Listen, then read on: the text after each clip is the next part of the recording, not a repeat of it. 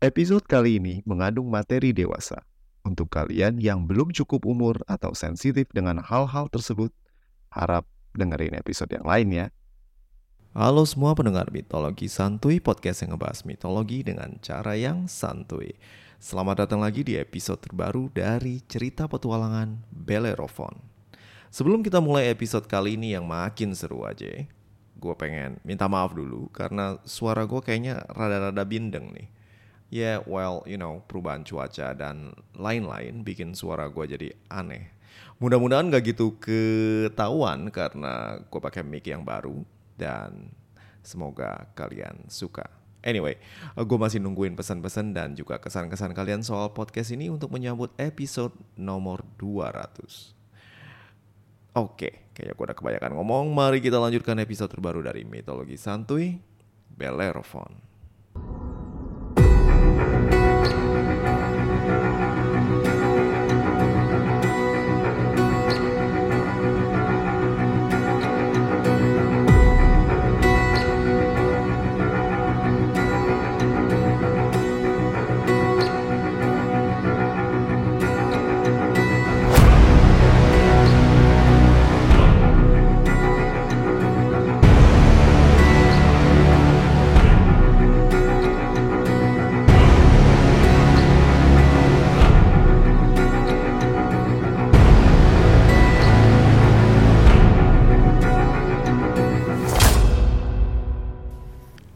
Bellerophon beranjak pergi dari Santos menuju Leton, tempat ia meninggalkan Pegasus pada pendeta kuil Leto. Sang pangeran Korintus dalam pembuangan menerima perintah Raja Iobates untuk menaklukkan Kimera, walau ia tidak tahu apa itu Kimera. Entah apakah Kimera itu sejenis kadal bernafas api, kodok beracun yang berambut api, atau mungkin cewek berambut api. Yang jelas makhluk ini punya kemampuan untuk menyemburkan api. Ah, bodoh amat lah. Bunuh, balik lagi ke istana, dan kelar. Gitu aja pikir Bellerophon. Bellerophon memandang remeh lawan yang akan dihadapinya, tanpa mengetahui makhluk apa Kimera itu. Bellerophon pun kemudian menemui Pegasus yang tengah bete di depan kuil Leto. Yo bro, I'm back. Gimana? Betah tinggal di Kueleto. Betah palalu, gua diempanin rumput mulu sama tuh pendeta. Gua sepak aja mereka. Buset, lu ada masalah apa sih bro? Lu kan kuda yang makan rumput lah, masa dikasih bakso? Eh bocah, gue emang kuda, tapi gue juga doyan makanan manusia. Mereka enak-enak makan sapi panggang, ayam, macem-macem. Gue dikasih pakan ternak. Ya udah sih. Yolah, cabut. Kita ada misi nih, bunuh monster. Namanya Kim Kimi Kim Kimi Hime. Bukan, woi. Kim apa ya tadi ya? Kim Kardashian. Lu minta gua tabok ya? Aduh, kebanyakan wine nih gua kayaknya. Apa ya? Uh, oh ya, Kimera. Eh, bentar. Lu tadi nggak salah nyebut kan? Kimera. Nah, iya um, katanya sih dia bisa nyembur api gitu. Kayaknya kita pas lagi lewat mau nyampe ke sini gitu, kita lewat dari tuh desa yang dibakar sama dia. Yang kita kirain orang lagi bakar lahan. Ya, matilah kita. Eh bentar, gue abadi. Mati lalu. Lah, mang apa? Pegasus pun lalu menjelaskan apa itu Kimera. Kimera adalah anak dari dua makhluk paling mengerikan yang pernah ada di alam semesta. Ayahnya adalah Typhon, raksasa ganas dengan wujud mengerikan yang pernah menghajar Zeus sampai babak belur. Dan ibunya adalah Echidna, setengah wanita, setengah ular raksasa. Typhon dan Echidna adalah sepasang monster yang melahirkan para petaka bagi manusia, seperti Hydra, Cerberus, dan yang bungsu, Chimera. Wujud Chimera adalah campuran dari imajinasi kreatif atau hayalan mabok dari orang yang lagi hangover. Konon kepala dan badannya serupa dengan singa, tapi sebuah kepala kambing juga muncul keluar dari punggungnya. Dan ekornya adalah ular berbisa. Sounds too weird? Well, beneran, gua nggak ngarang ini cerita. Tapi dari sumber asli ceritanya pun macam kayak gini Kimera. Selain punya fisik macam makhluk mutan dari MCU, Kimera juga gesit dan mampu menyemburkan api panas yang mampu melelehkan batu karang. Belakangan, Kimera telah menjadi momok Likia dan pergi dari satu desa ke desa yang lain untuk memangsa manusia dan membakar desa-desanya. Oh gitu. Oh gitu. Lu kagak tahu aja macam apa monster selevel Negi merah. Ah nggak apa-apa, kan ada lu bro. Bisa lah kita berdua dynamic duo ngalahin Kimera doang mah. Pegasus pun terdiam. Terlihat jelas di mata sang kuda. Kalau kali ini, Bellerophon akan membawanya melawan monster terkuat yang akan dihadapinya. Pegasus ragu mereka akan berhasil mengalahkan monster turunan Echidna dan Typhon ini. Bellerophon dan Pegasus pun melesat ke arah selatan, ke arah Patara, tempat Kimera terakhir terlihat. Hamparan pasir pantai sepanjang puluhan kilometer dan birunya air laut memberikan panorama indah yang kontras dengan pemukiman yang tak jauh dari pantai tersebut. Asap membumbung tinggi, bangunan-bangunan terbakar, dan puing-puing bangunan hitam membara terbakar oleh api yang tak kunjung padam. Pemandangan memilukan ini ditambah dengan jasad para penduduk yang terbakar atau tewas oleh gigitan makhluk buas. Belum lagi jasad ratusan prajurit yang gugur demi melindungi para penduduk. Bellerophon menarik nafas dengan penuh simpati belum pernah dirinya melihat kehancuran yang begitu mengerikan. Dan terlebih lagi, ini disebabkan oleh hanya satu makhluk. Pegasus membawa Bellerophon mengikuti jejak kehancuran yang ditinggalkan oleh Chimera. Kedua bersaudara lain ibu tersebut terus melayang meniti jarak sampai ke Olympos, kota yang didirikan oleh para kolonis dari daratan Yunani. Di sinilah terdengar teriakan para penduduk yang berusaha melarikan diri dari amuk kimera yang tengah sibuk menyemburkan api ke berbagai bangunan dan memangsa para penduduk. Dan Bellerophon pun pertama kalinya melihat makhluk mengerikan bernama Kimera. Ternyata benar kata orang-orang, ini makhluk beneran kejadian. Ayo Pegasus, kita tolong para penduduk. Pegasus melesat ke bawah dengan Bellerophon yang bersiap dengan busur dan panahnya.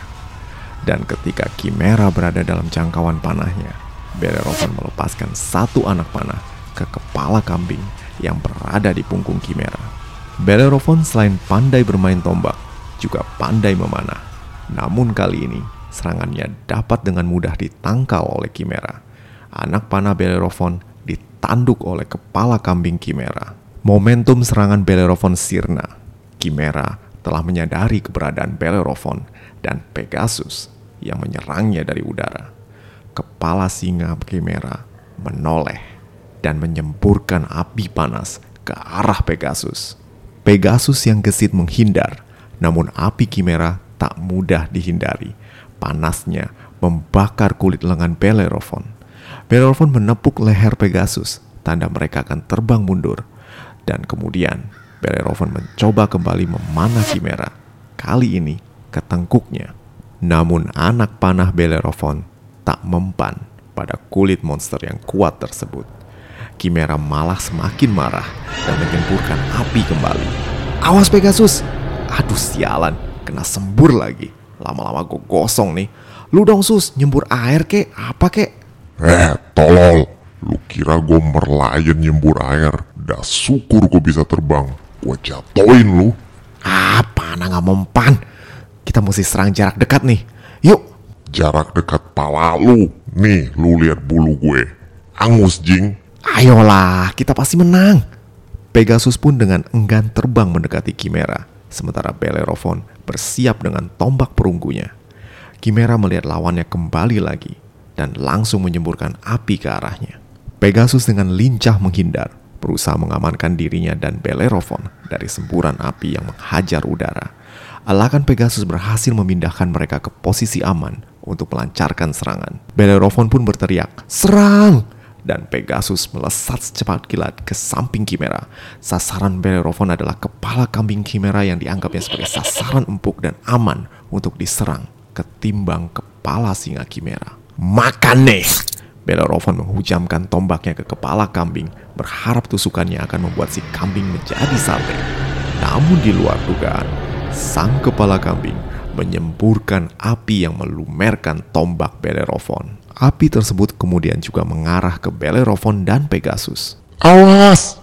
Pegasus membanting tubuh Bellerophon, berusaha menjauhkannya dari api dan melindungi sang pangeran Korintus dengan sayapnya. Untung saja, semburan api Kimera melemah karena stamina-nya telah terkuras usai meluluh lantahkan kota. Pegasus hanya terluka bakar dan dengan segera ia membawa Bellerophon pergi dari Kimera. Eh, eh, mau ke mana? Kita belum ngalahin Kimera. Ngalahin? Lu nggak lihat kita nyaris jadi jagung bakar barusan? Kita mundur dulu. Ah, sial! Pegasus pun membawa Bellerophon jauh ke udara, jauh dari jangkauan api Kimera. Ya, mereka telah gagal, terluka bakar, dan kesakitan. Keduanya meninggalkan medan pertempuran tanpa kemenangan. Bellerophon pun terpukul. Dirinya tak pernah kalah dan kabur dari pertarungan. Baru kali ini, ia merasa tak sanggup menunaikan tugas yang dipercayakan kepadanya. Namun ketika ia melihat luka-luka bakar di tubuh Pegasus yang melindunginya, ia pun melupakan egonya. Bro, badan lu banyak luka kayak gini nih. Lu gak apa-apa bro? Gak apa-apa, cuma kebakar. Gak bakalan mati, paling sakit doang. Ya kayak gini mah bukannya gak apa-apa lagi. ya udah, kita nggak pulang ke Santos ya. Kita ngobatin lu dulu. Bellerophon meminta Pegasus untuk terbang ke arah barat laut menuju Gunung Pelion, tempat Bellerophon menghabiskan beberapa tahun hidupnya belajar pada sentor bijak yang bernama Chiron. Bagi Bellerophon dan banyak pahlawan yang lain, Chiron adalah guru yang pandai dan ahli dalam berbagai ilmu termasuk ilmu pengobatan. Sang sentor tentu tahu bagaimana caranya mengobati Pegasus. Kepakan sayap Pegasus melambat. Sang kuda terbang menahan sakit di luka-luka bakarnya, sementara Bellerophon dengan khawatir mengarahkan tujuan mereka. Sang kuda terbang nampak begitu lemah ketika mendarat di perkemahan Chiron di Gunung Pelion. Puluhan anak-anak murid Chiron berhamburan keluar menyambut pemandangan yang tak lazim ini. Mereka takjub melihat Pegasus yang walau terluka masih memancarkan aura gagah dan anggun pada saat yang bersamaan. Bellerophon, kirain kau sudah lupa dengan gurumu. Gimana? Udah beres urusan tebus dosa? ah, Bapak bisa aja. Jawab Bellerophon malu-malu. Makanya, kalau punya nasib buruk, banyakin amal ibadah. Nah, ngapain lu ke sini? Lu nggak cuma pengen ngobrol sama gua doang kan? Lah, ini kenapa Pegasus sampai angus gini? Kimera pak Kita duel sama dia dan kalah Pegasus terluka bakar Aku juga sih tapi Wah lu sih gila Pon.